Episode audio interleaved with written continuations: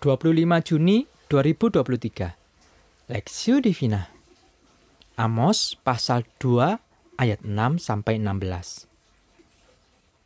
Beginilah firman Tuhan.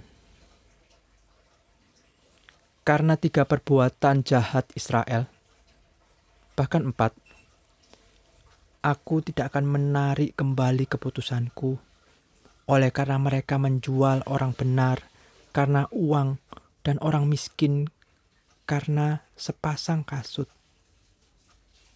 Mereka menginjak-injak kepala orang lemah ke dalam debu dan membelokkan jalan orang sengsara.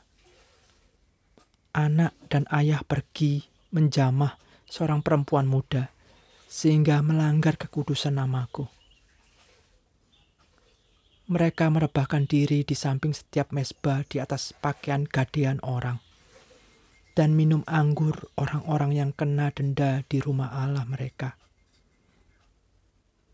Padahal akulah yang memunahkan dari depan mereka orang Amori yang tingginya seperti tinggi pohon aras dan yang kuat seperti pohon terbatin.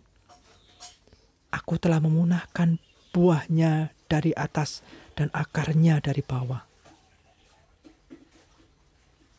Padahal Akulah yang menuntun kamu keluar dari tanah Mesir dan memimpin kamu 40 tahun lamanya di padang gurun supaya kamu menduduki negeri orang Amori. Aku telah membangkitkan sebagian dari anak-anakmu menjadi nabi dan sebagian dari teruna-terunamu menjadi nasir. Bukankah betul-betul begitu, hai orang Israel? Demikianlah firman Tuhan. Tetapi kamu memberi orang Nasir minum anggur dan memerintahkan kepada para nabi, "Jangan kamu bernubuat. Sesungguhnya aku akan mengguncangkan tempat kamu berpijak seperti goncangan kereta yang syarat dengan berkas gandum." Orang cepat tidak orang cepat tidak mungkin lari melarikan diri. Orang kuat tidak akan menggunakan kekuatannya dan pahlawan tidak dapat melarikan diri. Pemegang panah tidak dapat bertahan. Orang cepat kaki tidak akan terluput dari penunggang kuda, tidak dapat meluputkan diri. Dan penunggang kuda tidak dapat meluputkan diri.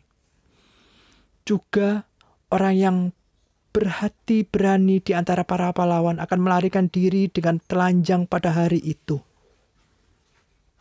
Demikianlah firman Tuhan.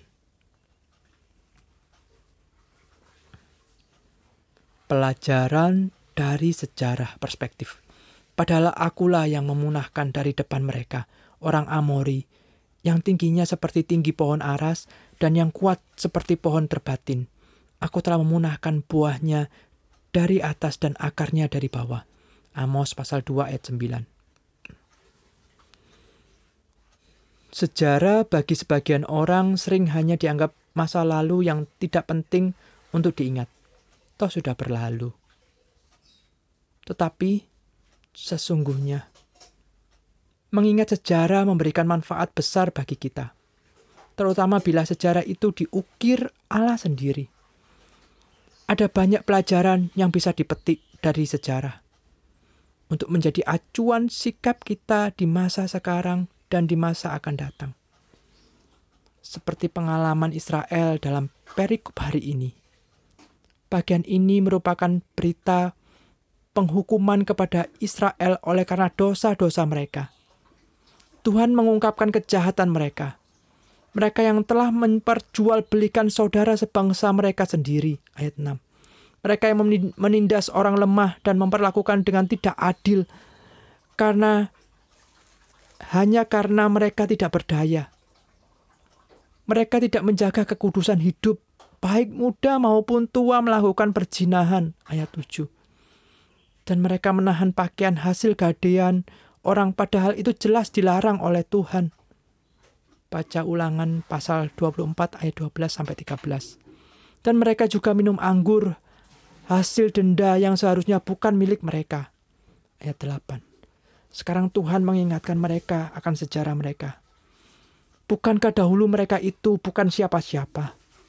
Bukankah Tuhan sendiri yang telah melepaskan mereka dari tangan musuh-musuh dan membawa mereka keluar dari perbudakan dan bahkan menduduki negeri-negeri asing? Bukankah kesadaran sesungguhnya mereka bukankah kesadaran sesungguhnya mereka bukan apa-apa tentang Tuhan? Seharusnya membuat mereka menjalani hidup dengan penuh ucapan syukur dan takut akan Tuhan. Sayangnya, orang Israel melupakan sejarah dari mana mereka berasal, sehingga hukuman Tuhan pun diberikan atas mereka.